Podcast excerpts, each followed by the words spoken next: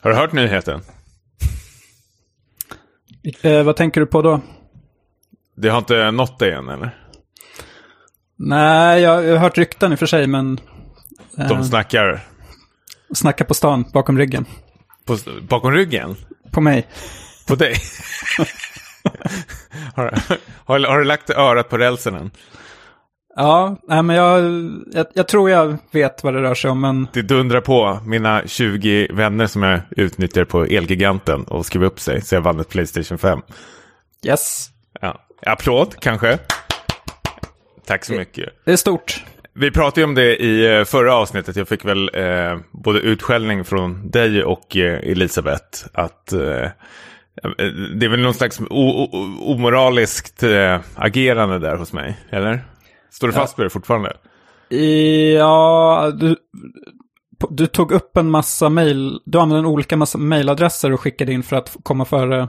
Nej, nej, som- nej, nej, nej, ännu värre. Jag har massor med vänner som jag har sagt typ att ja, men om, ni, om jag får låna er mailadress och ert namn och adress så kommer jag skänka så här mycket till eh, något annat eh, utsatt eh, ställe. Det har du gjort, förstås. Absolut. Inte. Inte. Men nu sitter jag här med Playstation 5. Och var det värt det? Nej. Jaha.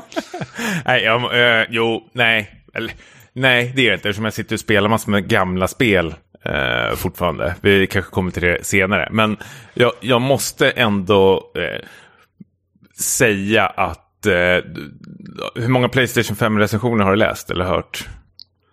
Hur insatt är du? Av själva konsolen. Ja, precis. Ehm, Vilket är så jävla konstigt att man börjar recensera en konsol. Men det är ju också på väg att göra just nu. Så.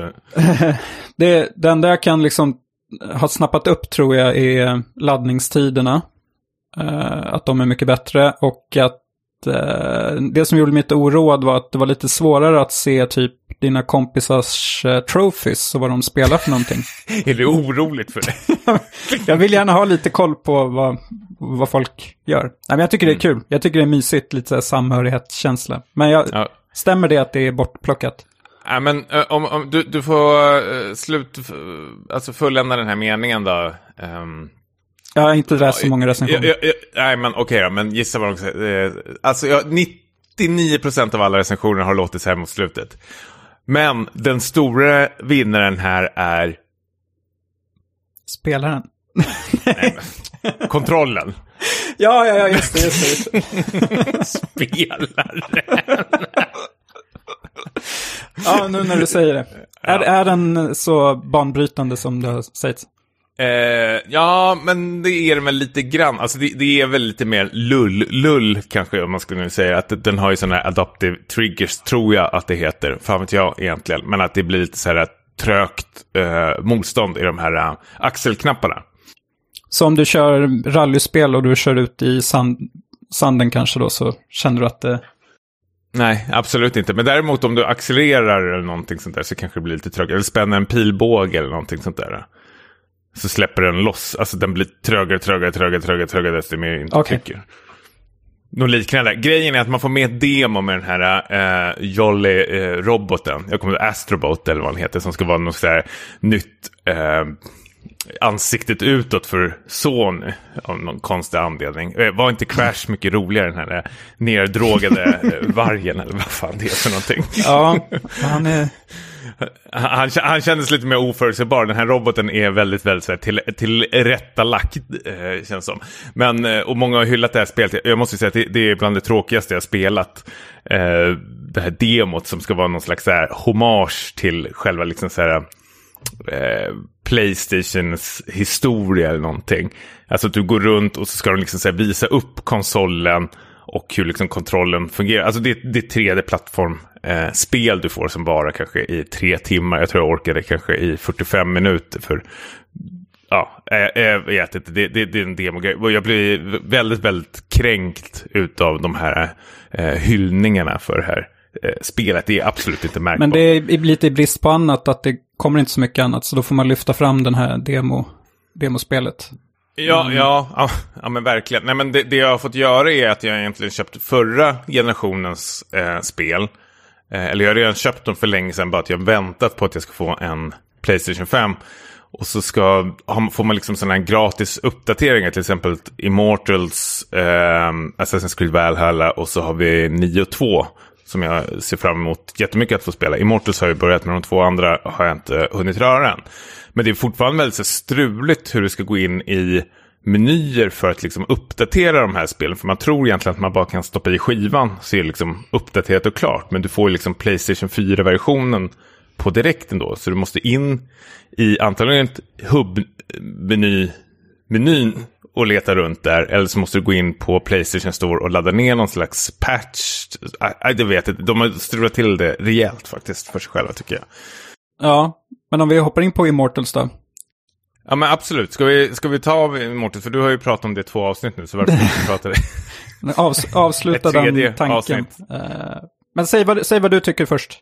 Ja, nej men för er som inte känner till det är ju det här uh, Ubisoft-spelet som um, uh, jag vill minnas att det är i alla fall typ så en stor del av teamet från Assassin's Creed Odyssey som ligger bakom det. Men det, det är väl på gott och ont en, en Zelda-klon egentligen. Känns som nästan så samma grafik och allting. Bara att det här utspelar sig eh, under så här, antika grekernas tid eller någonting på någon ö.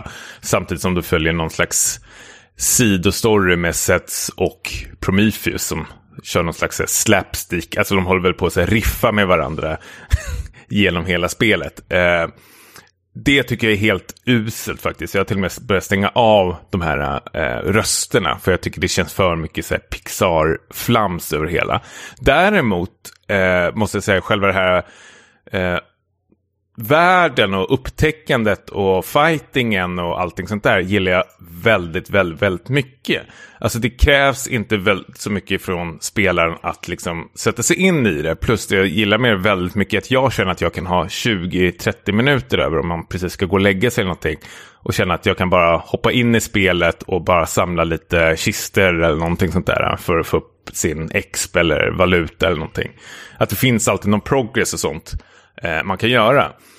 Däremot vill jag nämna en sak som jag verkligen hatar med det här spelet. Som Zelda Breath of the Wild gör det så mycket bättre. Och som de har försökt kopiera det här. Och det är de här Dungeonerna de har. De heter väl något annat. Jag kommer inte ihåg vad de heter. Volts heter de i... Ja, Volts precis. heter de ja. Och det är egentligen att man hoppar in i en, vad ska man säga, lättförklarat, en grotta och ser väl ett slags pussel som man ska liksom eh, ta sig an. Och jag har varit med om två, tre gånger nu att jag har hoppat in i en Walt och försökt lösa det här pusslet. Eh, men inte fattat vad jag ska göra. Eh, alltså, jag har fastnat och tänkt att ah, men då får jag väl ninja-googla då.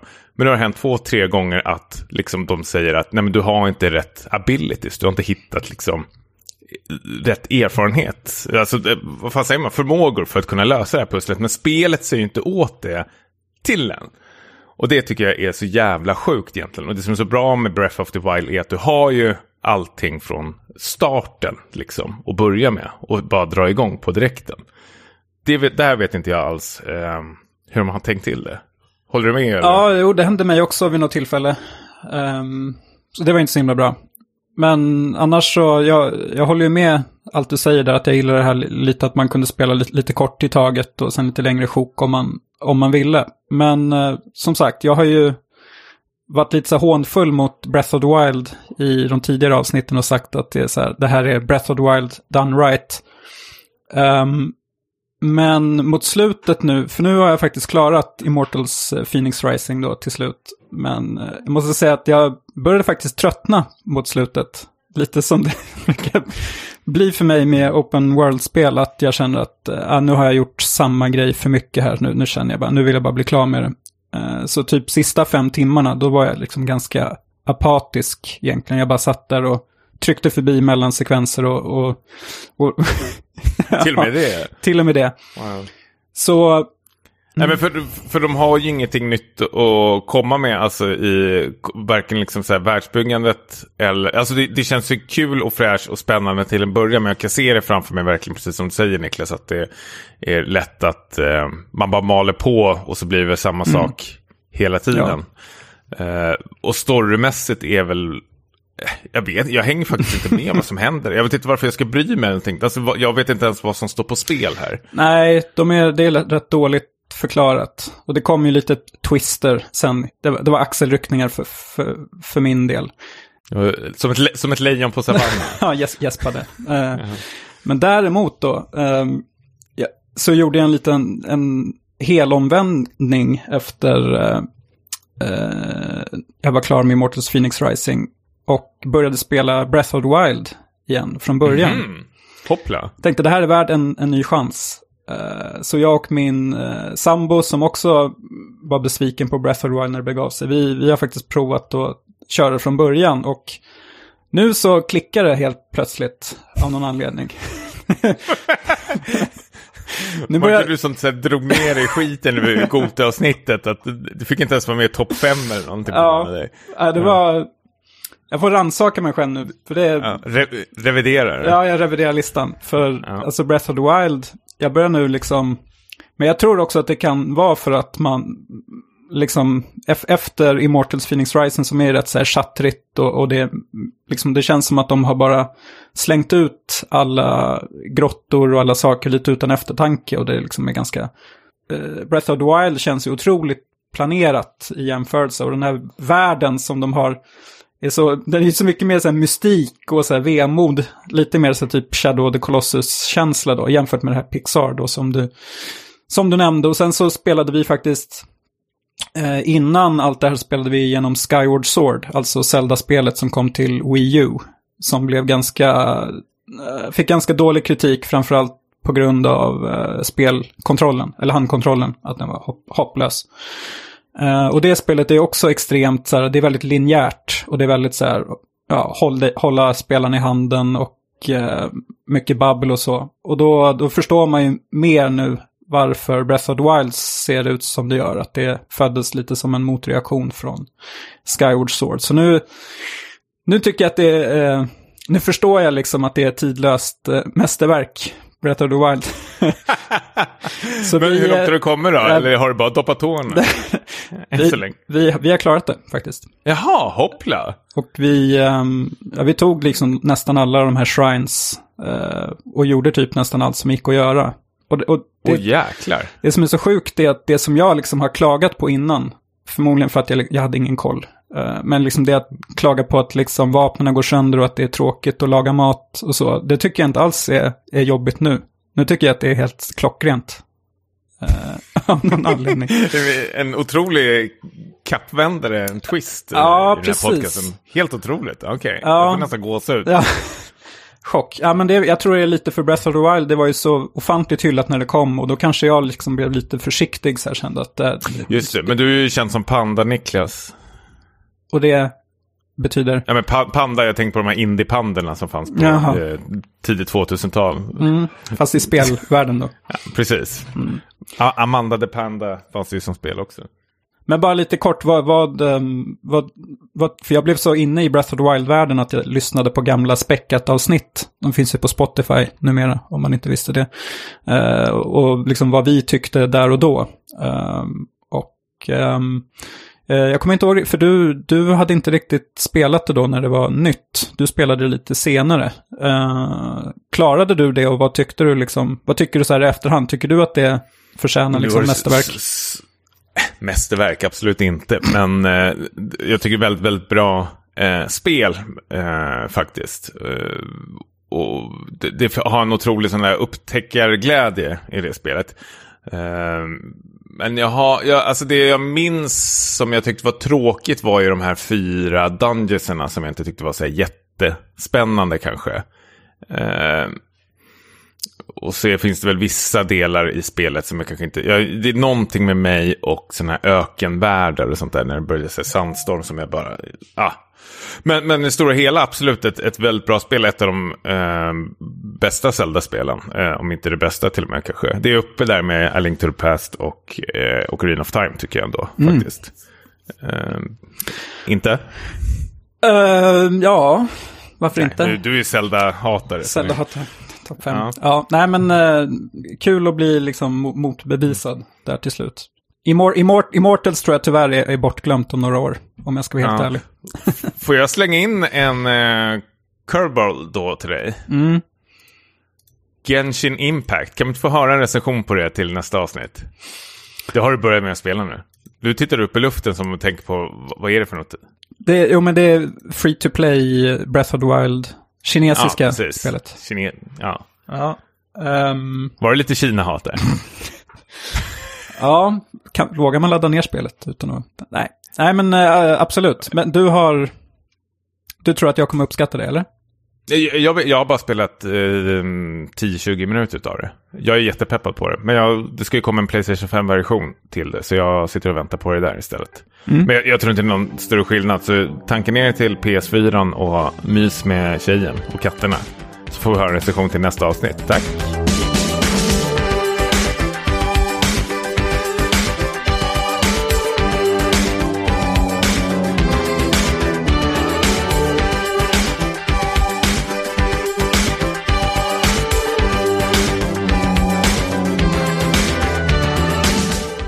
Ja, och med det episka introt avklarat så vill vi säga ett välkomna till avsnitt 90 med mig Tommy Jansson och eh, Niklas Lundqvist. Hej! Hallå, hallå.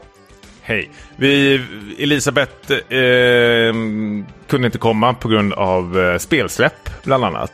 Jag vet inte, man får kolla in eh, spel för kan vi väl pusha lite för det. Vad heter det? Kingdom Two Crowns. Just det, bra. Eh, så håll ögonen, eller det är ju redan släppt ju, så bara tanka ner som fan. Det finns väl på Steam antar jag. Det finns det. Vi har inte fått någon kod av Elisabeth. Nej, jag kommer att tänka på det. Det, det är inte bra. Lite småsnålt. Eh, allt bra med dig? Jo, men det, är- det är skitbra. Eh, Jag har, eh, det var ett tag sedan sist, men jag har, jag har liksom verkligen eh, ta, tagit fasta på alla bra rekommendationer i förra podden. Jag ska inte börja babbla om dem nu, men eh, verkligen, Klippans Karaoke Cup. Har man inte sett den så gå in på SVT Play och se det. Man har till och med Mm. sista juli på sig. Okej. Jag är ja. väldigt nöjd med att, eh, att den rekommendationen dök upp. För det var... Det är ju mys-tv deluxe. Alltså, det är ju otroligt härliga så här, personporträtt. Eh, Jag, jag fick lite vibbar av typ tidiga Filip och Fredrik-produktioner. Ja, absolut. När de åker runt i landet, framförallt ute på landsbygden och lyfter fram lite så här original. Som verkligen så här Guldåldern av Filip och Fredrik. Ja, precis, innan det blev lite... Nu, ja, innan Ja, de ja. varit för lata och börjat sitta, i studion hela tiden. De var bäst ute på fältet. Så, Faktiskt. Men även då blir äldre. Ja, själv, själv? Ehm, Jo, men det är bra. Jag befinner mig i en liten eh, livskris här. Lyssna på det här. Jag har börjat läsa Unesbo. Uttalar man det så? Du skrattar, du är väl mer norsk än jag? Nej, du är finne. Så var det. Eh, Ja, men det är väl Nes, grannland. Nesbö, skulle jag säga. Näsbö. Näsbö. Ja. Nesbö. Men hur säger du med norsk dialekt då? Med bokmål? Nes, Nesbö. Nej, det är danskt. det där. Den lilla Näsbö. Lille. Ehm, Ja, nej men berätt, berätta mer. För jag, jag såg det på, på Goodreads, den här boksajten. Eh, sajten, och hajade till lite när jag såg att eh, du började betygsätta sådana böcker helt plötsligt. Ja men precis, det känns som inte jag typ såhär, eh, nu tänkte jag säga svenska deckare, men han är ju norrman. Men om vi säger i alla fall skandinaviska deckare, eh, så är det väl någonting som jag aldrig har eh, utforskat. Jag har väl läst någon Kepler-roman eh, för jättelänge sedan, Hypnotisören, men sen liksom, vad heter hon? Camilla Lagerbeck eller... alltså, Läckberg. Jag har, Läckberg. Lagerbäck är väl någon eh, Fotbollstränare. fotbollstränare? Ja. ja. Ehm, vad var Nej, eh, det, det, det, väl, känns väl lite så smågubbigt att man börjar läsa eh, hans böcker. Men kan du gissa dig till varför jag började läsa det? Mm. Livskris. Eh, Nej, men ja, skit i livskrisen. Okej, ja. Fokusera på Jonet. Jag vet inte, du, du vill ha något förutsägbart, något lättläst? Det, det, Okej. det är något annat än så. I detta stund, just nu, så håller en av våra favoritregissörer på och gör en tv-serie utav en av hans böcker. Denis Villeneuve ska, eller håller på och filmar Sonen med Jake Gyllenhaal. Det har jag missat. Bror. Jag vart, nej men eh, om vi backar bandet lite, både du och jag är väl säga otroligt stora fan utav Denis Villeneuve. Det är ju någon slags, jag vet inte vad det är med den snubben alltså, han har väl haft typ så här fem filmer i rad som ändå varit någonstans uppe vid 5 plus-grejen. Mm. Nu sticker jag ut hakan här. Han gjorde ju en bättre Blade Runner än originalet. Ja, alltså, jag säger inte emot. Nej, okej. Ja. Fick jag det sagt Ja, i alla fall. får- Nej, men, men skitduktig han i alla fall. Det går inte alls att ta från honom. Och jag är superpeppad på det här mardrömsprojektet eh, som han nu tagit an. Eh, Dune då, då. Men då ska han göra den här eh, tv-serien. Eh, Jo Nesbø-böckerna har väl så här, försökt filmatiseras. Jag vet att Thomas Wiberg, Vinter, vad heter han? Eh. Killinggängssnubben? Nej, eh, Vinterberg. nej eh, nu, nu tänker jag fel. Thomas Vi, Vi, Vintergren. Vinter, Thomas Alfredsson. Thomas Alfredsson, tack. Eh, gjorde väl eh, Snömannen. Har du, Eh, har du sett den? Ja, jag har sett den. Den är skitdålig. Fy fan vilket jävla skit alltså. Men jag vet inte vad som har hänt med honom. Som har gjort den här jävla buskis eh, Jönssonligan också. Som jag bara kräktes när jag såg framsidan. När de hänger i något slags eh, chokladsnöre. Hur som helst så vart jag ändå intresserad. För det känns som ändå så här. Villeneuve är väl typ. Jag vet inte. Han, allt han tar på blir ju guld tänker jag. Så jag kastar mig över den här eh, fristående boken, eh, Sonen som den heter. Jonas är ju känd för den här eh, kriminalaren, jag kommer inte ihåg vad han heter, men det är en kriminalaserie på så här, nio böcker eller någonting sånt där. Eh, Jag tror han heter Harry Håle eller någonting. Harry, ja, precis. Som, som han som Fassbender spelar i Snömannen. Ja, ja men det, det stämmer bra faktiskt. Ehm, och Sonen är helt jävla otroligt bra bok. Och jag ser det verkligen framför mig vilket jävla bra eh, serie det kommer bli utav det här. Alltså det, får, det är någon slags prisoners-känsla nästan. Alltså det är en sån här tung, mörk, skandinavisk thriller. Bara för att liksom så här eh, lägga fram själva synopsisen handlar det väl om en, en kille som sitter i eh, fängelset som är en son till en eh, korrupt polis som har tagit livet av sig och när den här sonens pappa då, då eh, tog livet av sig så liksom föll hans liv i spillror och han började liksom eh, begå brott och började liksom använda tunga droger och sen ha, åker han in i fängelset och i fängelset har han blivit någon slags eh, syndarbock över andra skurkars eh, brott egentligen. Så han får ju liksom sådana här maffiamedlemmar frikända genom att han tar på sig eh, deras brott och liksom eh, mot liksom utbyte av narkotika. Han är ju bara deppig i det här fängelset liksom. Så han erkänner ju andras brott. Tills den dag då han eh, får reda på utav en sån här som confessar då, bekänner sina synder då, att eh, han har varit involverad i den här killens pappas eh, mord då, då ett suicidala mord, självmord. Och då börjar han fatta att det kanske inte är som man tror. Och ska liksom ta sig ut ur fängelset och ta reda på liksom vad det är för något som ligger bakom det här. Samtidigt parallellt så följer det en story med liksom två poliser som försöker lösa ett eh, annat mord vid sidan om. Och det är, nej jag vet inte, jag tog rekommenderar den här boken verkligen. Det är otroligt, otroligt bra. Men du tror att det är rätt beslut att göra en serie, inte en film? Ja, herregud. Det hade inte gått att få plats i en, i en två, två och en halv timmars. Villeneuve kan göra allt. men jag, jag tänker, för, för jag, eh, nu har jag absolut inte läst dem, men jag beställde dem faktiskt idag. Eh, de här Ted Chiang-böckerna. Eh, för er som inte vet vem Ted Chiang är, väl att han är väl en sån här amerikansk-kinesisk eh, författare som skriver så kortnoveller för, jag tror det är New York Times eller någonting. Och han har ju skrivit den här Eh, bland annat den här Arrival-filmen, alltså någon kortnovell utav det som heter väl The, The Stories of You eller någonting sånt där. Jag kommer inte riktigt ihåg vad originaltiteln är på den. Men den är väl egentligen bara typ så 30-40 sidor, men Villeneuve lyckas väl göra en så här två och en halv timmars film utav det. Så jag tror om det är någon som kan liksom hantera sånt här så är det väl ändå Villeneuve och absolut inte Steven Spielberg. Han kan nog inte hantera någonting. Nej, Tror jag. Nej, West Side Story-filmen som han är på väg ut nu. Jag såg en sån här klipp ifrån den och jag... Nej, ah. vilket, vilket jävla piss alltså. Men hur låter det här då? Ska du hoppa på? Det, och frågan är nu, ska du, för jag försöker starta en liten bokklubb här nu. Jag har mycket klubbar nu. Eh, Joe Nesbo-bokklubben. Ja. ehm, Fladdermusmannen i Harry Mårles är första. Det handlar inte om Batman. Jag tänker att vi kan få med kanske våra lyssnare på det här eller någonting. vad, vad heter första boken? Är det, är det den du har Jag tror den läst? heter Fladdermus. Um, nej, Sonen är ju en fristående, men sen har ju han någonting som... Men jag tycker... Jag vet inte om du vill läsa Sonen, du kanske vill se filmen eh, först innan. Är, är Headhunters en av de här böckerna eller är det en fristående Ja, också? Huvudjägarna, precis. Och den Ja. filmen är ju också skitbra. Den har jag sett faktiskt. Mm. Den boken är också jättebra. Så de två började jag med, men nu tänkte jag hoppa på de här uh, kommissarie Mole, Måle. Fan uttalar man det? Har, har, M-O-L-E. Harry Håle tror jag. Så det är så Ja, Harry okej. Hole. Mm. Ja, ja, kanske. Du, du tror att jag skulle tycka om dem eller tror du att det bara är... Ja, men jag tror det faktiskt, för du är äldre än mig.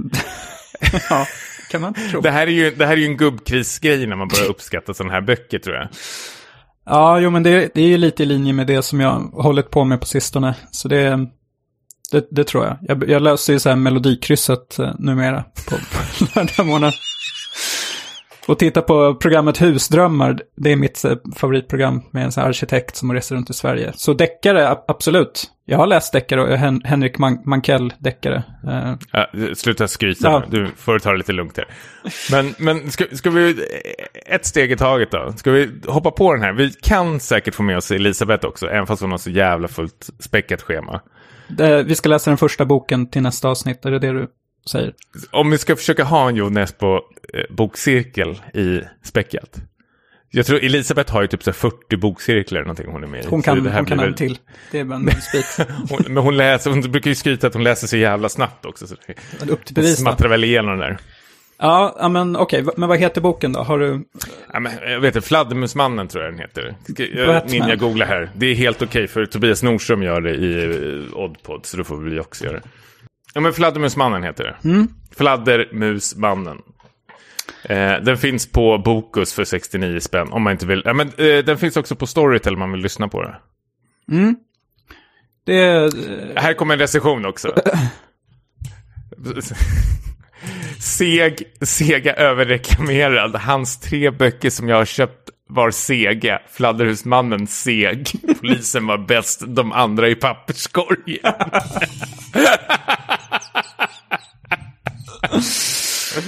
Ja, lovande. Ja. Men jag, jag kan ge den en chans. 850 sidor. 850... Nej, nej, jag skojar, jag skojar. 350 sidor. Okej, ja men det är... det är acceptabelt. Mm. Ja, nej, men vad kul. Ja, men då, då, då kör vi det. Alla hans böcker då. Vi kan börja med första så får vi se sen vad vi... Okej, då kör vi alla. Okej. Mm.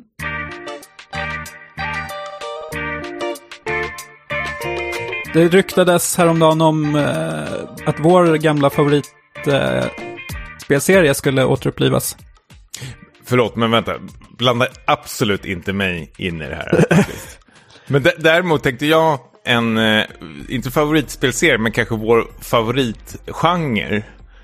Som är utdöende, no pun intended. Men eh, dinosar, vad har hänt? Ehm, I spelvärlden så har du... Nej, men jag tänker i populärkulturen överhuvudtaget. Alltså, de, de, när såg vi en dinosfilm? Okej, visst, vi har ju de här Jurassic World-filmerna och sånt, men de är ju rätt så, eller de är ju väldigt, väldigt dåliga. Men det känns som typ att det enda vi har fått är Jurassic Park och Dino Riders egentligen. Kom du ihåg tv-serien Terra Nova som kom för några år sedan?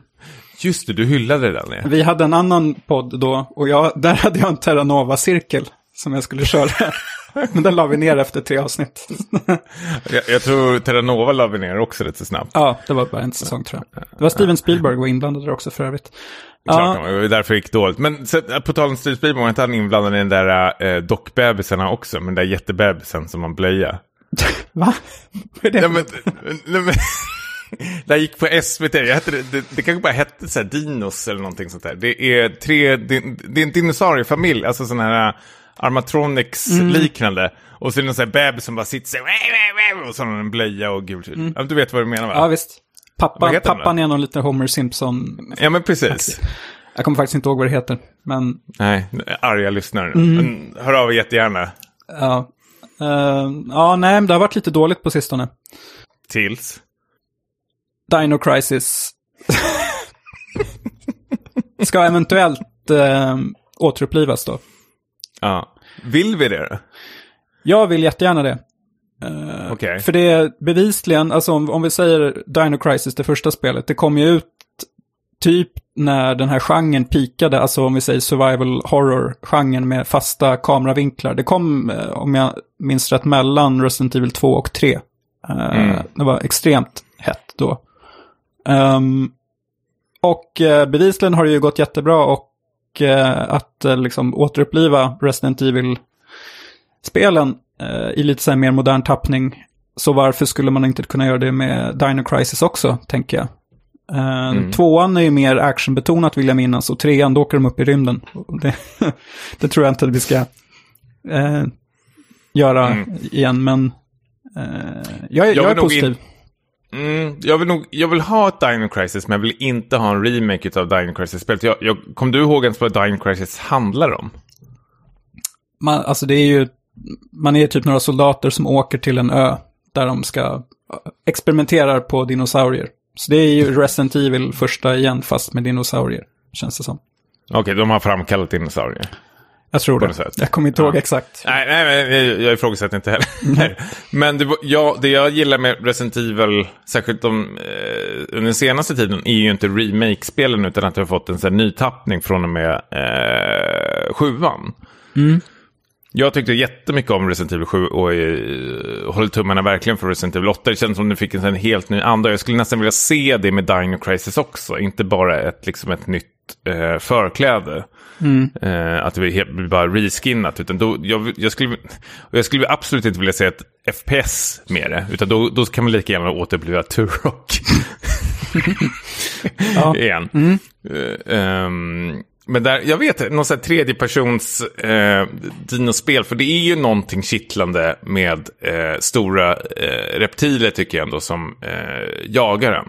Jag skulle vilja också även ha någon sån där bra King Kong-spel på tal om så här stora eh, reptiler faktiskt. Men det väl, verkar vara jättesvårt att göra.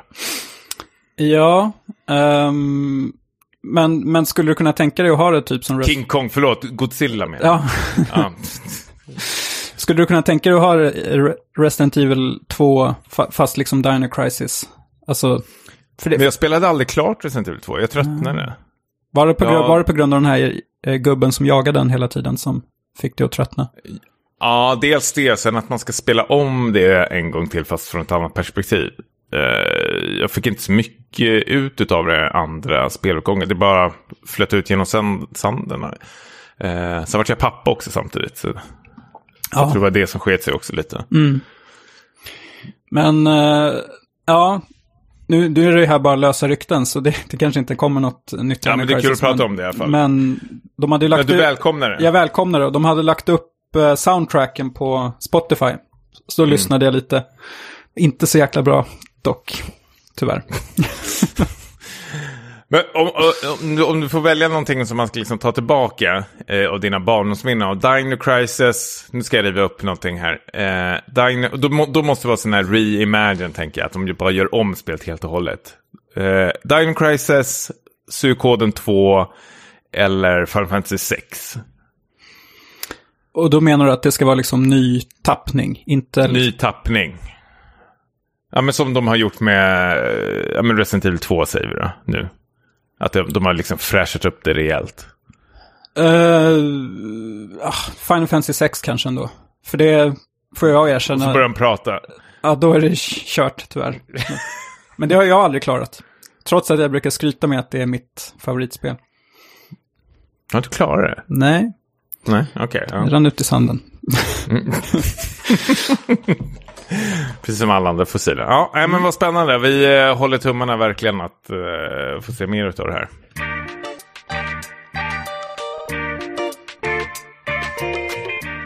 Hur går det hemma med kärlekslivet? Ja, vi har ju... vi har ju gjort nu ett försök med uh, Josef Fares nya spel. I, I Takes Two. Jag tänkte att Josef Fares har varit på besök och suttit med. Suttit med. Ja, nej, men det känns som att han är där i eh, in spirit när man spelar. Um, It takes two, bara lite kort, det är ju, det är ju hans andra eh, co-op-spel på raken. Alltså det måste spelas i co-op över split screen. Eh, antingen i soffan eller online. A Way Out kom innan. Blev, blev väl en ganska så här positiv överraskning. Vill jag minnas. Uh, I It takes two då, då spelar man två föräldrar då som sagt som ska skiljas. Och ens eh, dotter råkar genom att hon gråter på två så här, dockor och önskar att eh, föräldrarna ska bli vänner igen. Så blir de här föräldrarna förvandlade till två dockor och liksom slungas iväg ut i trädgården här i, liksom där de bor. Och eh, de måste förstås då samarbeta för att eh, ta sig tillbaka igen och eh, bli människor. Eh, och eh, kanske bli tillsammans igen. Vi får se. För de ska kunna... Ja.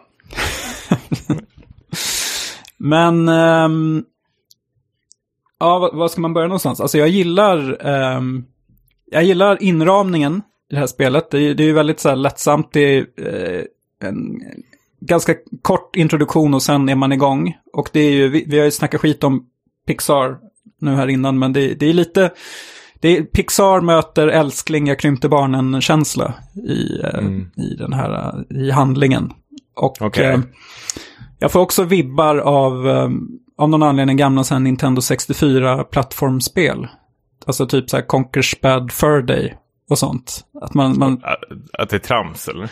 det är lite tramsigt, men det är liksom så här, man, man springer ju runt just för att det kanske är liksom split screen eh, också. Och eh, just att man undersöker de här, eh, ja men man börjar typ i verk, verktygsboden och sen så är man i trädgården och sen så ska man ta sig in i huset. Man, liksom ta, man betar av alla de här miljöerna fast man är då pyttesmå. Och det gör ju att det blir ganska kul. Lite så här Little Nightmares som vi pratade om i förra avsnittet då. Mm.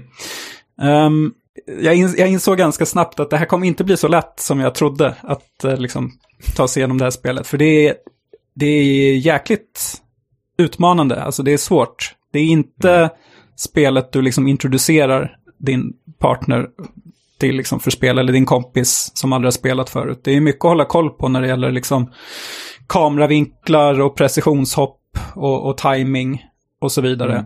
Men det kan bli sån här game over-skärm på det här, eller? Det kan bli det om båda spelarna dör. Eh, Mm.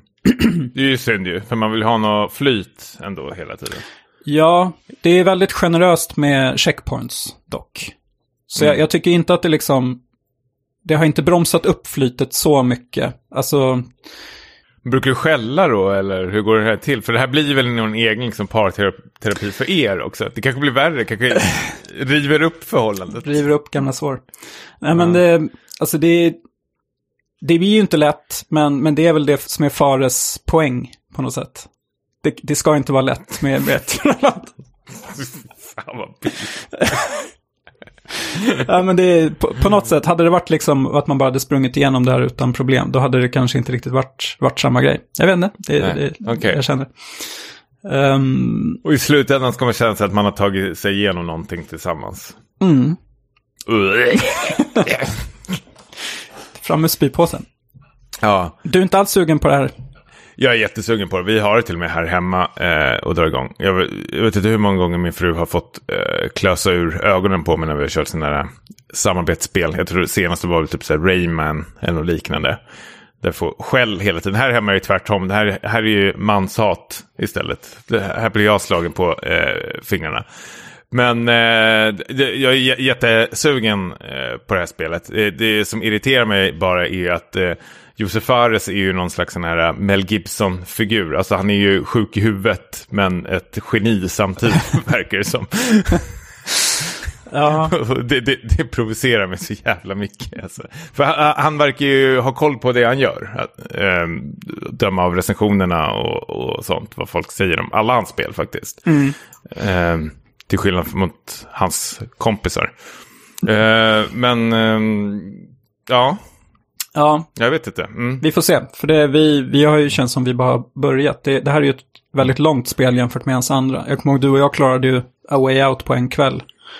Mm. Men då var vi väldigt trötta, kommer jag ihåg. Ja, vi var ganska trötta på slutet. Och där blev det ju så här, mot slutet vill jag minnas någon så här typ fattigmans uncharted.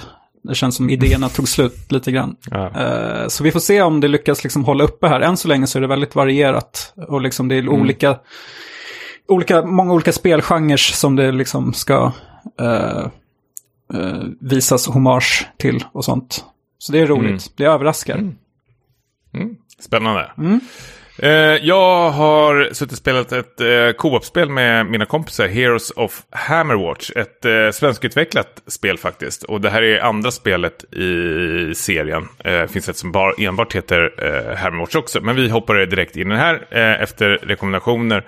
Och för att beskriva det som lättast är väl att du är ett du får välja mellan eh, ja, sju, åtta karaktärer. Allt från typ eh, Rogue, eh, Paladin, Magiker, you name it eh, ska ta dig igenom något slags sån här roguelike eh, dungeons med dina tre vänner. Alltså det är top-down pixel-spel. Och du ska liksom ta dig igenom den här dungeonet så långt du kan. Och på vägen ska du samla loot eh, och valuta. Eh, twisten i det här spelet är ju att liksom du ska när du har samlat på dig en massa saker så ska du skicka upp det till staden och med de valutorna så kan du liksom bygga upp den här staden så du får liksom mer erfarenheter. Eh, och kan späcka om din snubb, äh, gubbe så den blir liksom starkare och eh, så klarar man de här dungeonerna ännu längre ner. Eh, jag avskyr eh, roguelike spel Jag tycker de är, flesta är rätt så tråkiga, nästan alla. Men det här är ett rogue-light. Jag tycker man ska liksom kunna eh, skilja dem med varandra. Och den stora skillnaden är väl egentligen att eh, visst, du spelar om spelet, men eh, med det här, precis som Hades, är att du liksom så här, tar med dig någonting på vägen även fast du dör. Att du får liksom kanske, ja men det här lite experience, du går upp i level. Eh, så du, du, känner alltid att du blir starkare, att du för varje run du gör så kommer du alltid ett steg närmare. Och det slutar ju inte där, utan även liksom när man har klarat det med en karaktär så ska man börja med en ny karaktär. Till exempel om jag klarar med en eh, Sorcerer så vill jag spela som Paladin nästa gång. Då tar jag med mig no några, inte alla, men sådana här passiva stats till den gubben. Så den runnen blir även ännu lättare. Så ska man försöka bara liksom så här boosta upp alla de här sju, åtta karaktärerna som man får hoppa emellan. Och det är jätte, jätte, jättekul spel om man har tre kompisar. Jag spelar lite själv också och det funkar absolut. Men det här är ett, verkligen ett eh, kanonspel eh, med vänner faktiskt. Jag har ju kikat på lite bilder. Jag, jag tyckte det såg svårt ut, alltså liksom med inventory-system och sånt? Alltså är det liksom knepigt att sätta sig in i eller är det lättbegripligt? Nej, nej, nej, nej, det är pisslätt. Alltså det är så otroligt lättillgängligt det här stället. Alltså det är inget inventory-system här. Du plockar upp loot och den sätts automatiskt på kroppen. Så du kan ha, alltså det är ingenting att du ska liksom, om du har en hjälm så hittar du en ny hjälm, säger vi till exempel. Så det är inte så att du måste välja vilken hjälm du ska ha, utan du, då har du båda hjälmarna samtidigt. Så du liksom bara plockar på dig allting och gör din karaktär liksom bara starkare, starkare, starkare hela tiden. Så det, det är ju... Nej, nej, nej, nej, det är otroligt, otroligt lättillgängligt. Alltså det, det är ju egentligen bara att hoppa rakt in och köra på direkten faktiskt. Och det är det som är så skönt med det, att det är som eh, snabba kickar i det faktiskt. Och det här samarbetsläget gör det ju bara ännu roligare. Om man ska vända det på andra sidan så eh, har vi ju Hades som inte är ett co-op-spel, det är ett single play-spel men Axelik, det är också ett sånt här roguelite-spel. Och jag har hört väldigt många säga att det är ett eh, roguelike, men jag tycker att det är ett light-spel. Eh, för även här så tar du med dig eh, lite erfarenheter och kan bygga upp dina vapen och bli lite starkare till eh, next run. Jag var väldigt, väldigt, väldigt orolig för det här spelet. Jag är väl inte så... Det, det, är en bra studie. Nu glömmer jag bort vad de heter bara för det. Eh, du är säkert... Super... Supergiant Games. Supergiant Games, ja. De har ju en otrolig eh, karaktärsdesign och svinbra musik. Sen brukar det vara lite sådana här ups and downs på kanske deras eh, typer eh, av spel. Jag vet att jag inte var så superintresserad av Pyro men älskar eh, Transistor till exempel. Men det är väl kul att de liksom vågar prova på något nytt varje gång känns det som. Mm. Och det har de även gjort med Hades som jag kände att så här, det här är verkligen ingenting för mig. Men jävlar, jag tror aldrig jag har spelat ett spel på så länge som har sån tight eh, kontroll alltså. Det är en av de tajtaste top-down-kontrollerna jag har kört på väldigt, väldigt, väldigt länge. Och det är så rappt och kul och, och smart. Och det, det, är verkligen så här eh, de har lyckats verkligen fånga den här en gång eh, till-känslan mm. på ett väldigt, väldigt bra sätt faktiskt. Eh, svinbra musik, eh, jättevälskrivet eh, och jag tycker omspel alltså att det finns ett omspelningsvärde här som är helt eh, otroligt faktiskt. Och då återigen är jag en person som avskyr eh, Rogue eh. Och det här Rogue Light. Men mm. någonstans däremellan är det. Eh, men verkligen eh, otroligt bra. Jag tycker du ska kolla in det faktiskt Niklas. Jag tror du skulle kunna gilla det. Ja, ska vi komma in på Loop Hero när vi ändå pratar roguelite? Ja, ja men gör Vi det. kan, För det är jag jätteintresserad av. ja, för det är ju också ett så superhypat spel, precis som eh, Hades, eh, som har gjorts av en liten rysk studio, eh, tror jag. Um, jag tror det som sålde in mig var, tror, jag- tror jag, i att eh, Angelica i speljuntan beskrev det att det var typ Shadowgate-aktigt. Eller hon tänkte beskriva det som det. Men sen så sa Tobias att nej, du tänker på Shadowrun, alltså det här cyberpunk-spelet. Men det, det var det ju inte. Nej, nej jag, jag, hör- ja. då, då skrattar du gott. Ja, jag Tog det på magen. att, nej, nej, nej. Kan de göra Men du, sånt? Shadowgate, du tänker på det här eh, svensk, alltså det fanns en svensk Svensk text översättning. ibland. Ja, li- otroligt bra musik. Ja, otroligt bra och musik. skulle man dö på så här dråpliga sätt. eh, Och så kom li, liemannen och sa så här Ja. typ, gud vad tråkigt att din resa tar slut precis här. Det kom ju en uppföljare till det spelet till 64 vet jag. ja, precis. Jag har hört att det inte alls var lika bra som, som det första. Nej, jag, jag ägde det till och med och spelade igenom det. Fuska, men ja. Men det var ingen, Mm. ingen hö- höjdare kanske. Nej, Det var ingen gåshud. Nej. Eh, nej, men eh, för, det var alltså en ganska så här spot on beskrivning tycker jag för inramningen där på uh, Loop Hero. Att det känns, um, alltså grafiken och musiken är ju rätt så här liksom Shadowgate-liknande. Eh, så det är ett plus i min bok. Men jag var ju också lite så här nervös för det här med, med roguelite-elementet. Och eh, om vi säger så här, när, när jag hade spelat typ en halvtimme av spelet så stängde jag av och så gick jag till YouTube och så var jag tvungen att titta på en video som förklarade hur man liksom spelar det här, vad går det ut på. Eh, för det, Okej, det här, det, det klickade inte alls i början. alltså jag var ju intresserad men det var liksom, eh, spelet är extremt så här, eh, det förklarar inte, det, det är en del av poängen i att det inte förklarar så mycket liksom hur, eh, hur det ska spelas och hur alla de här systemen hänger ihop, utan det ska du upptäcka själv. Så tutorialen är typ så här 10 minuter och sen är det så här bara, ja, eh, varsågod.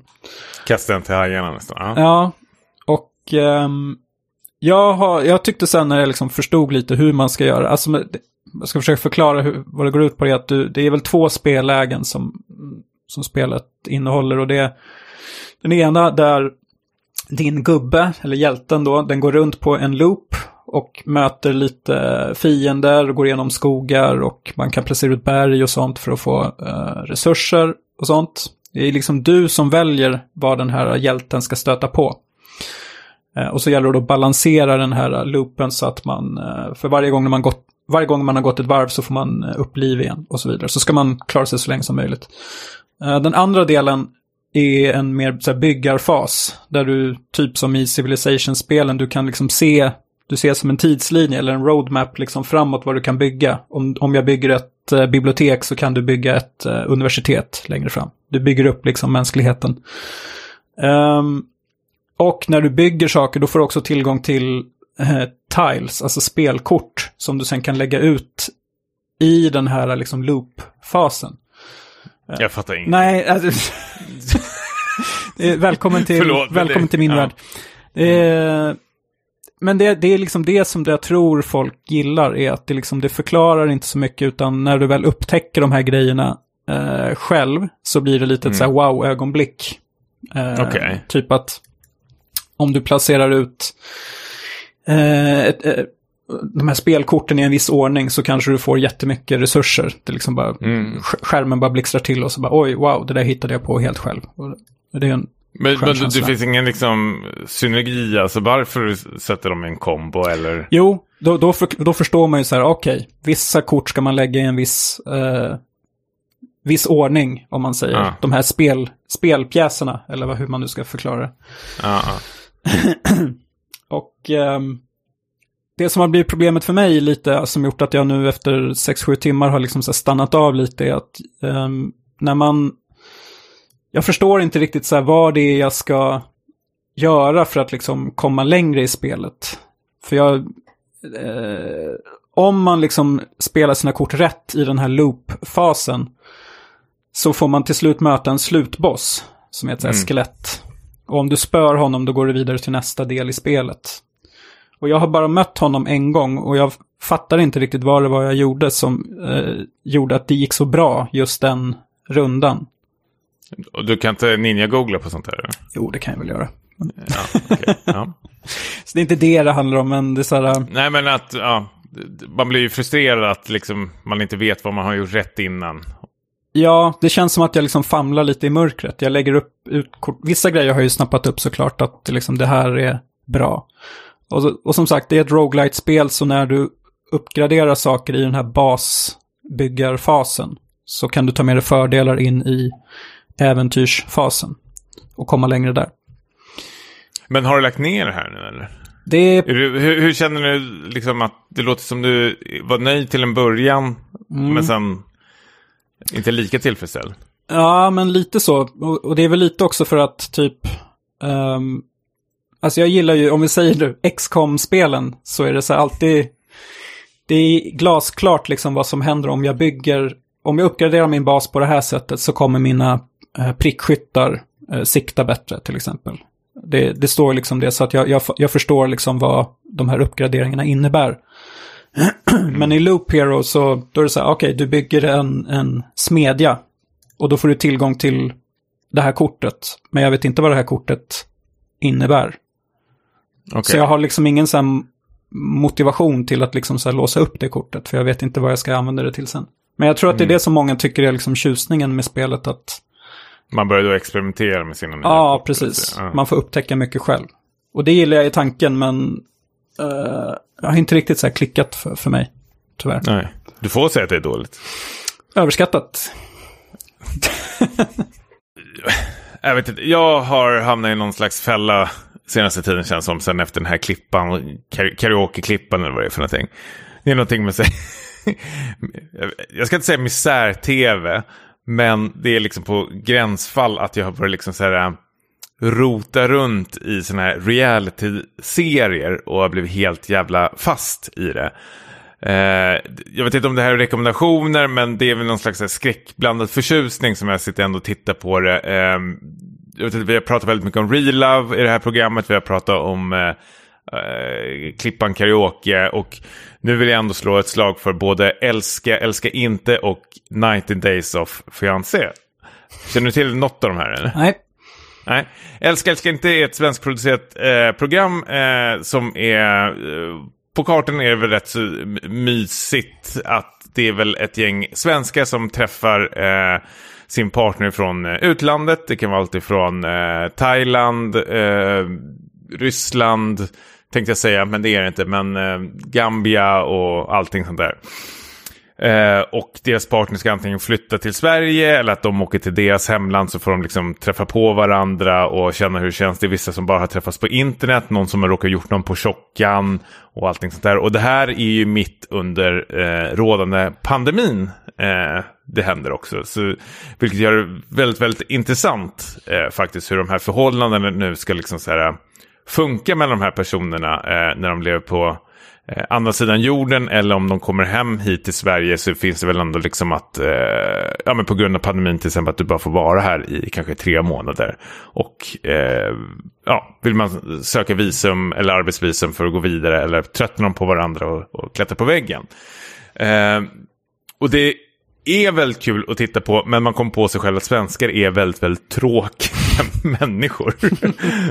eller jag vet inte om det är så svensk produktion som är väldigt tråkigt eller om svenskar är väldigt tråkiga. För det känns som alla liksom invandrare som kommer hit till Sverige i det här programmet är väldigt så här, glada och bjuder på sig själva hela tiden och försöker liksom prata öppet och liksom eh, det här med kulturkrock rör inte dem så mycket medan många av de här svenskarna i programmet, absolut inte alla, är väl väldigt liksom så här Stela. Rädd, ja, stela och eh, försynta och allting sånt där. Men det, det, det är ett sånt där, precis som du sa innan med eh, Klippan Karaoke, det påminner väldigt mycket om så här, Filip och Fredrik-programmen. Att det är väldigt så här, färgstarka karaktärer man får följa. Eh, faktiskt. Och eh, detsamma gäller för det här med 90 Days of Fiancé som är också liknande. Eh, man har väl gett det programmet väldigt mycket kritik för att det, liksom att det är väldigt många eh, människor från utlandet som, det här utspelar sig i USA, eh, flesta av dem, eh, men det är väldigt många från utlandet som försöker liksom fiska en relation genom att få typ ett visum eller någonting att komma in i USA liksom och fly från sitt land och därför blir det någon slags kärlek. Men jag tror det måste ju finnas såklart folk som är kär på riktigt. Men då finns det den här eh, Ben eh, som ser ut som ett eh, kylskåp nästan. Han har väl ingen nacke som åker till Filippinerna och träffar sin liksom det är supermörkt egentligen. Hon är ju 23 år gammal, vilket inte är fel alls. Men problemet blir att han har en dotter som är 29 år gammal som liksom bryter ihop och tycker det här är skitjobbigt att han ska träffa en tjej. Vilket såklart är eh, att han ska träffa en tjej som är liksom sex år yngre än henne. Och han är ju han är ju väldigt speciell den här killen och han vet ju att, vet ju, men han, hans tanke är att nu ska, nu ska jag träffa min älskade från Filippinerna. Men det viktigaste här är att hon måste ta ett syfilistest eh, om hon har knullat runt. ja. Så det, det, det, är ju mycket, mycket sånt. Alltså det, det är kärleksmörker, eh, skulle jag säga faktiskt. Och jag, jag, vet inte varför jag sitter och myser, eller både jag och min fru gör det tillsammans. Alltså de här kärleksparen som har precis funnit varandra, men att det finns så här eh, skelett i garderoben hos dem som börjar komma fram mer och mer, vilket gör det väldigt, väldigt spännande faktiskt. Men är det här den här snubben som har majonnäs i håret? Precis. Ja. ja, jag skickar in någon klipp. Ja. Han, vill, han vill behålla sitt unga hår så han liksom sätter majonnäs i håret och kammar bak. Liksom. Så det, det är ju väldigt så här, sköna också. människor. Ja. Upp, uppmuntrande, eh. Okay. Eh, båda de finns väl på Discovery Plus faktiskt. Mm. Eh, så jag, absolut, om, om, om ni har tid över så ska man tycka det är rätt så skönt att bara lägga sig i soffan och tänka att mitt liv kanske inte är så jävla piss. Ja, men det kan jag, jag, bra. jag måste ändå säga, fan, det, det är jättemånga här som är, är helt eh, underbara och jättefina. Men man märker att tv-programmet då liksom klipper bort deras programtid.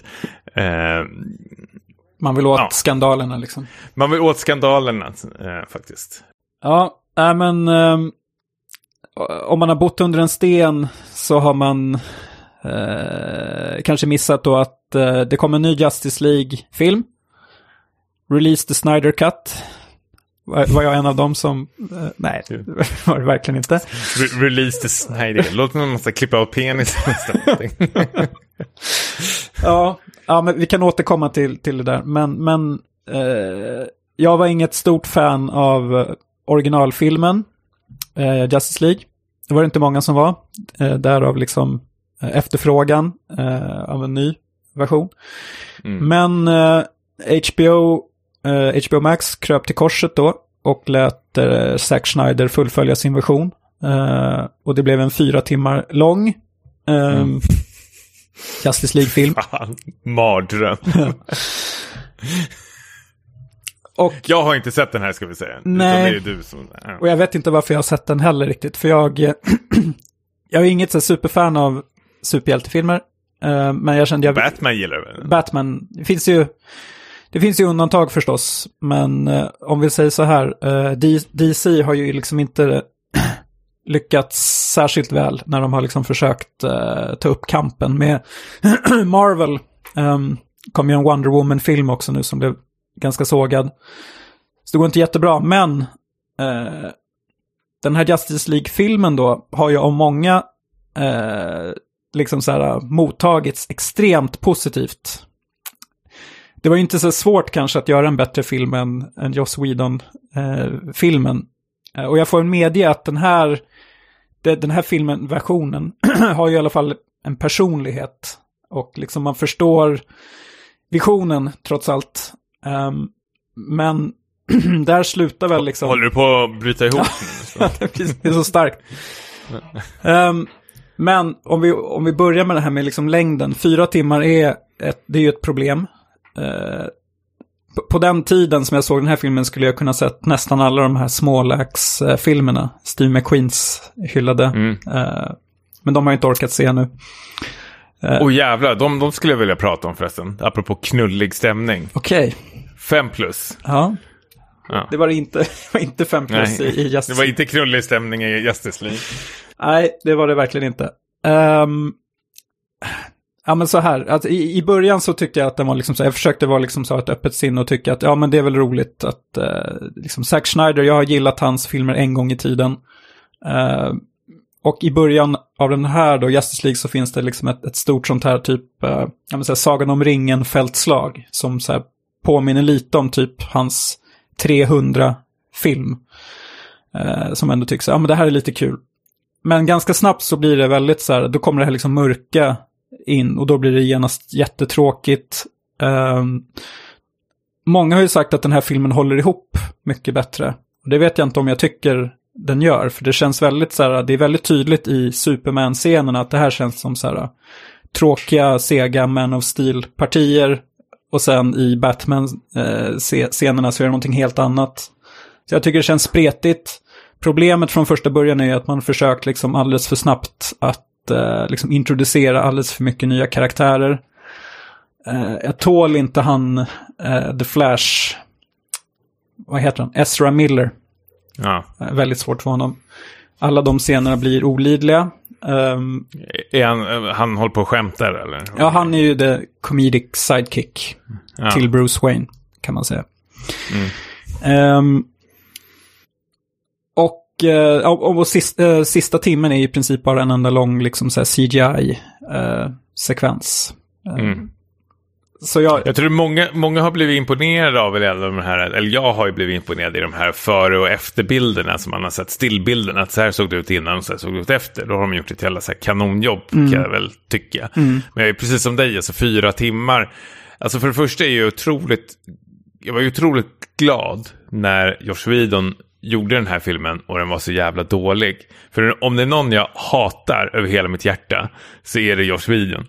Alltså han, han är... Och, och, jag var glad när det gick dåligt för den och sen var jag ännu gladare ett halvår senare när det kommer ut liksom att han är ett jävla as eh, på sättet också. Vilket gör att jag helt befogat kan sitta och pissa han r- rakt i ansiktet nu. för han är så jävla överskattad pissregissör alltså. Eh, allt han har gjort. Och jag, avskyr den jävla Firefly-serien. Alltså, jag är också jätteglad att de cancelade den. Alltså. Det är fan... och sen är det ju en svår film att eh, recensera tycker jag. För, att, för transparensens skull, inte för min skull, men kanske för liksom, vad som ligger bakom det här är väl ändå att Zack Snyder ena dotter begick väl självmord under inspelningen. Vilket gjorde att han var tvungen att fokusera på familjen. Vilket såklart var så här helt rätt. Och liksom bara ja, fokus på familjen. Och så fick Josh Whedon ta över. Och nu kommer han tillbaks och ska liksom ja, städa upp då efter honom. Och liksom fansen är med. Liksom, nu, nu kommer det bra. Alltså det, det, det gör ju ont i, i hjärtat när det är en sån mörk eh, historia där bakom. Liksom. Sen ska man liksom säga betygsätta eh, det här. Jag förstår att man måste kunna skilja liksom, mellan eh, verket och eh, människan. Som jag inte kan göra med Josh Whedon. Eh, men det, men, ja, ja, eh, men det, det, jag, jag, jag tror faktiskt, eller jag tycker väl att det kan vara, jag vet inte varför heller, men någorlunda nyttigt i alla fall kanske eh, känna till det också när man eh, ser på det här och kanske förstå varför det vart som det vart faktiskt. För om man inte har en tydlig regissör som står vid rodret och sen ska hoppa tillbaka till någonting efter liksom fyra år eller någonting. Alltså det, det, det blir ju dåligt faktiskt. Man, de skulle behöva spela om, spela in liksom allting från början. Ja, alltså hade de gjort det liksom som Avengers Endgame och eh, ja, den andra. Eh, att de delade upp den i två, två olika filmer. Möjligtvis att det hade kunnat funka då, men det känns som att i den här versionen så har det ju bara varit så här ja-sägare som har låtit Zack Snyder göra precis vad han vill. Och det, det är väl därför den, liksom, den är ju mer personlig än vad Joss Whedon-versionen är. Så där, det är ju ett Vil- plus. Vilket gör att den blir väldigt laddad också. Eh, av någon konstig Ja. tycker jag. Det är ju en annan grej som eh, gör att filmen lämnar en ganska så här, sur eftersmak, tycker jag. Och det är ju hela hur, liksom, om vi bortser från varför han inte kunde slutföra filmen, så den, den här Release the Schneider Cut, det har ju varit ex, eh, fansen på nätet, det har ju varit mycket så här toxic fandom i liksom hur de här eh, Schneider-fansen har försökt att få till det här. Det har ju varit mycket så här fula påhopp och eh, ja, all, allmänt hatisk stämning, stämning online kopplat till den här hashtaggen. Mm. Eh, och det som de gör nu, HBO, liksom, de gläntar ju på dörren till något som är liksom, som jag tycker känns som en så här dyster framtid, är när liksom fansen ska bestämma hur, hur eh, eh ja, alltså de, de vill väl ha... Ja, men precis, och kanske liksom redan innan så här insyn i regissör och typ så här casting, vem ska spela vem. Uh, om man inte gillar ett visst skådisval så kanske man går ut och liksom startar någon typ av kampanj. För liksom, de har ju liksom lagt sig liksom platt nu för det här. Och, det, mm. och man har ju redan börjat se lite effekter av, av hela det här. att Bland annat han David Ater som gjorde Suicide Squad. Han har ju visat intresse nu för att få, ja, få, göra, få göra om den. Och så såg jag att det var någon på Billboard-tavla som några hade satt upp Kanske som ett skämt, jag vet inte, men en typ så här bring back Tony Stark. Jag vet inte om du såg den, typ att... Nej. Då, nej. men men eh, är det här samtidigt inte, nu tänker jag väldigt, väldigt högt, men är inte det här eh, en väldigt, väldigt här, minoritet som hörs och syns väldigt mycket? Jag tänker till exempel på de här eh, det som hände, som också var så här jättefruktansvärt, det som hände i januari, Kapitolium, de som eh, inkräktade de här högerextremisterna. Mm i USA. Eh, det är ju också en sån otrolig, otrolig minoritet, men, men det är liksom bara drar med samma kammare. Men, men liksom, det jag menar är liksom att både de hörs och syns väldigt mycket och när de låter så låter det rejält och det kan bli väldigt dålig ton då faktiskt. Mm. Eh, och det är som du säger, att de, internet är så jävla svårt att kontrollera. Så de, de får ju så otroligt mycket utrymme eh, där faktiskt. Mm. Um, och jag vet inte vad man ska göra åt det egentligen. Ska, det är ju som du säger att man bara, eh, HBO liksom gläntar på dörren eller man ger dem eh, lillfingret så tar de hela handen nästan känns som här. Mm.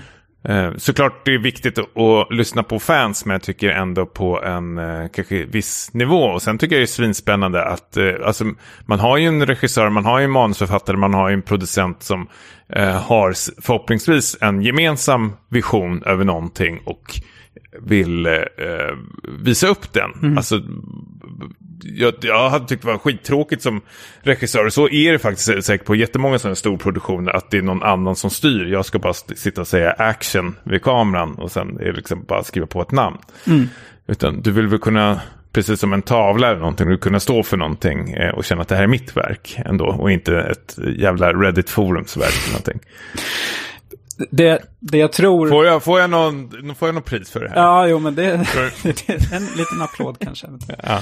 Men ja, det, det jag tänker, det jag vill komma till lite, att jag tror att det kommer bli mer sånt här nu. Alltså jag kan se framför mig om några år, eh, om du minns den senaste Star Wars-filmen, som också var ett, en enorm besvikelse hos många, att, att det kommer komma en Även ny... hos oss. Även hos oss. Det kommer komma en ny version där eh, Mandalorian-skaparna eh, Release the John Favreau Cut kommer att få ge, ses, göra, ge sin syn på saken och släppa en egen version av den Star Wars-filmen. För där, där har vi också en så här toxic eh, fanbase, Star Wars-fansen. Ja. De kommer säga sitt, tror jag. De värsta fansen, det är fan David Lynch-fansen. Du och, du och jag, jag. Niklas. Ja, när, när det börjar ryktas om David Lynch ska släppa någon slags eh, Netflix-tv-serie. Då skiter vi på oss. Ja, ja, då skiter vi på oss. Då, released Lynch Cut på Dune-filmen också. Det kan vi gå i bräschen för. Mm. Eh, vi har tittat på mer film också. Vi har tittat på, på tal om spel, på tal om film, vi har tittat på Monster Hunter. Eh, det är en gammal, eh, en av dina favoritregissörer på tal om snack om regissörer, Niklas. Paul V.S. Anderson. VS. Inte att förknippa med Paul Thomas Anderson som har gjort uh, Boogie Nights. Och dem. Och dem. han har väl också bara haft så fem plus-filmer efter sig. Det har han faktiskt haft. Um, nej, men Paul V.S. Anderson, han, uh, han har ju ett så här hyfsat bra ändå liksom uh, track record, eller vad man säger, i, när det gäller spel, spelfilm. Med Resident Evil-filmerna och Mortal Kombat. Och även, uh, han har gjort lite så här guilty pleasure-favoriter hos mig. Uh, men, men vänta, vänta, han har väl gjort så här Alien vs Predator har han mm. väl gjort? Ja. Uh, Så, Mortal Kombat har han gjort, det kanske du sa förresten. Mm. Ja, Mortal Kombat är väl inte så jättebra.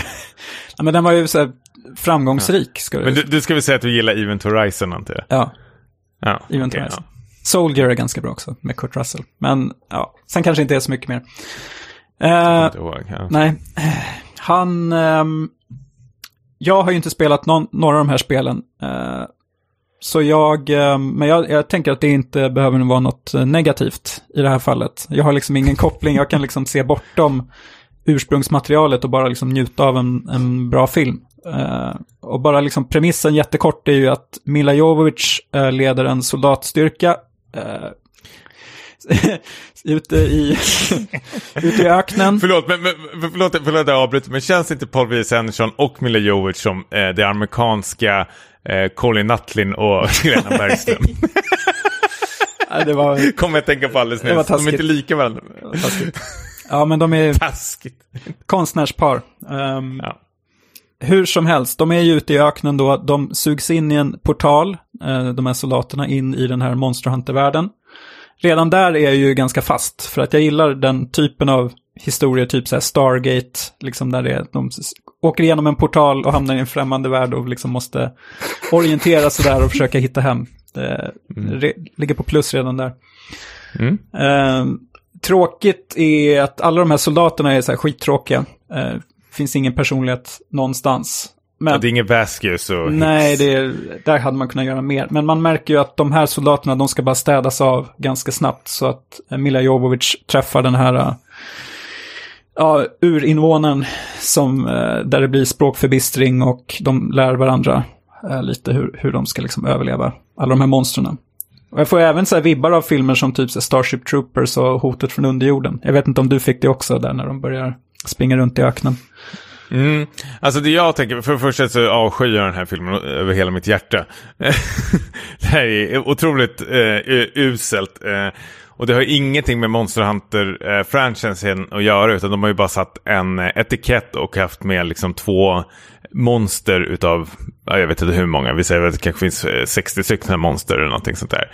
Eh, alltså, jag tror att den här filmen har gått igenom samma eh, liksom stadie som eh, Die Hard-uppföljarna fick göra. Känner du till det?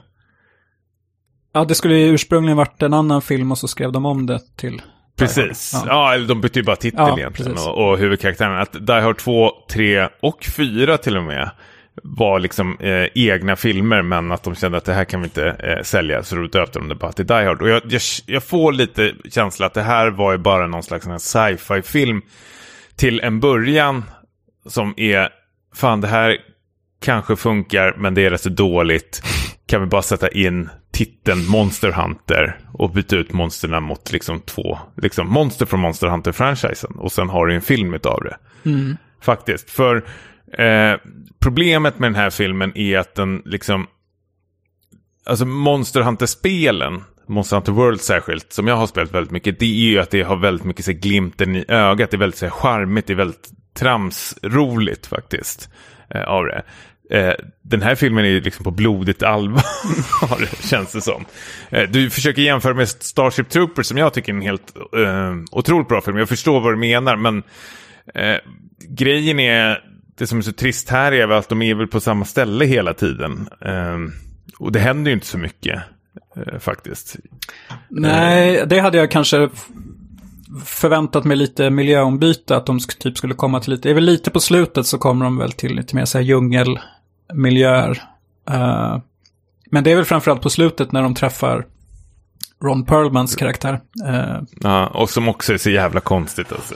Men, ja, han, var, jag var, han kändes inte superengagerad heller. Han var li, lika, lika glad som när jag träffade honom på Älvsjömässan för några år sedan. Just det, han fräste åt det va? Ja, det var ju någon tidig version av Comic Con och han satt där och skulle, man fick ta autograf från honom. Ja. Och jag, det jag ville fråga honom var ju typ så här, eh, why are I love you in Alien 4. Det var det, du kommer ihåg det? Jag ville, Nej, jag kommer inte ihåg, men det är typiskt, det är det enda du tycker om. Rullstolsbunden tänkte jag säga, det är han inte. Men, nej det är, eh, inte, det är inte hans karaktär. Han förstörde basketscenen vet jag. Ja, jag sa något i stil med så här, I really loved your performance in Alien 4. Han bara, uh, thanks. Och, så här, typ. och sen sa jag så här, "Wi- will there be a Hellboy 2? I, I don't know. I hope so. Next! Och sen, sen, sen fick eh, Peter Englund, eller vad fan han heter, från Radio Game intervjua honom. ja, det, jag tror det var något sånt. Um, ja, nej, så det var också en liten besvikelse, men samtidigt, alltså, jag, jag har som sagt ingen eh, alls liksom så här koppling till, eller förväntningar på en Monster Hunter-film. Från, för en utomstående så tycker jag att eh, hela liksom upplägget doftar mer typ så här UV-boll eh. Mm, absolut. Det, så Paul V.S. Anderson, han känns liksom som en lyxig regissör tycker jag, som tar sig an det här. Sen så visst, det kunde ha blivit, äh, kunde ha lyfts ännu mer. Det känns ju som att de vill göra en ny så här, Resident Evil-franchise av det här. Mm. Men, eh, Eh, dock, dock måste vi säga att eh, den var bättre än, på tal om så här spelf spelfilmer, men eh, tv-spelsfilmer. Eh, fan heter den? Warcraft-filmen. den, den, den är väl den största jävla skiten. ja, det var, eh, det var inget bra. Ja, eh, den är ju värre än den här. Ja, ja, det säga, finns ju sämre. Det finns sämre. Ja, för den, den tar ju på, det, problemet med den är väl att den tar sig själv på alldeles för stort allvar nästan. Mm. Um, sen kan ju inte jag någonting om Warcraft-universumet, men eh, vad jag ser, ser så verkar det vara pisstråkigt där. Vill du se, vill du se mer av, av den här Monster Hunter-films... Eller vill du, vill du se fler... Nej, Nej, ingenting. jag vill se Dino Crisis. Dino Crisis-filmen. Dino Crisis-filmen vill vi ha. Det vill vi ha. Mer så här typ skräck, eh, Ja, inte matinéäventyr utan skräck.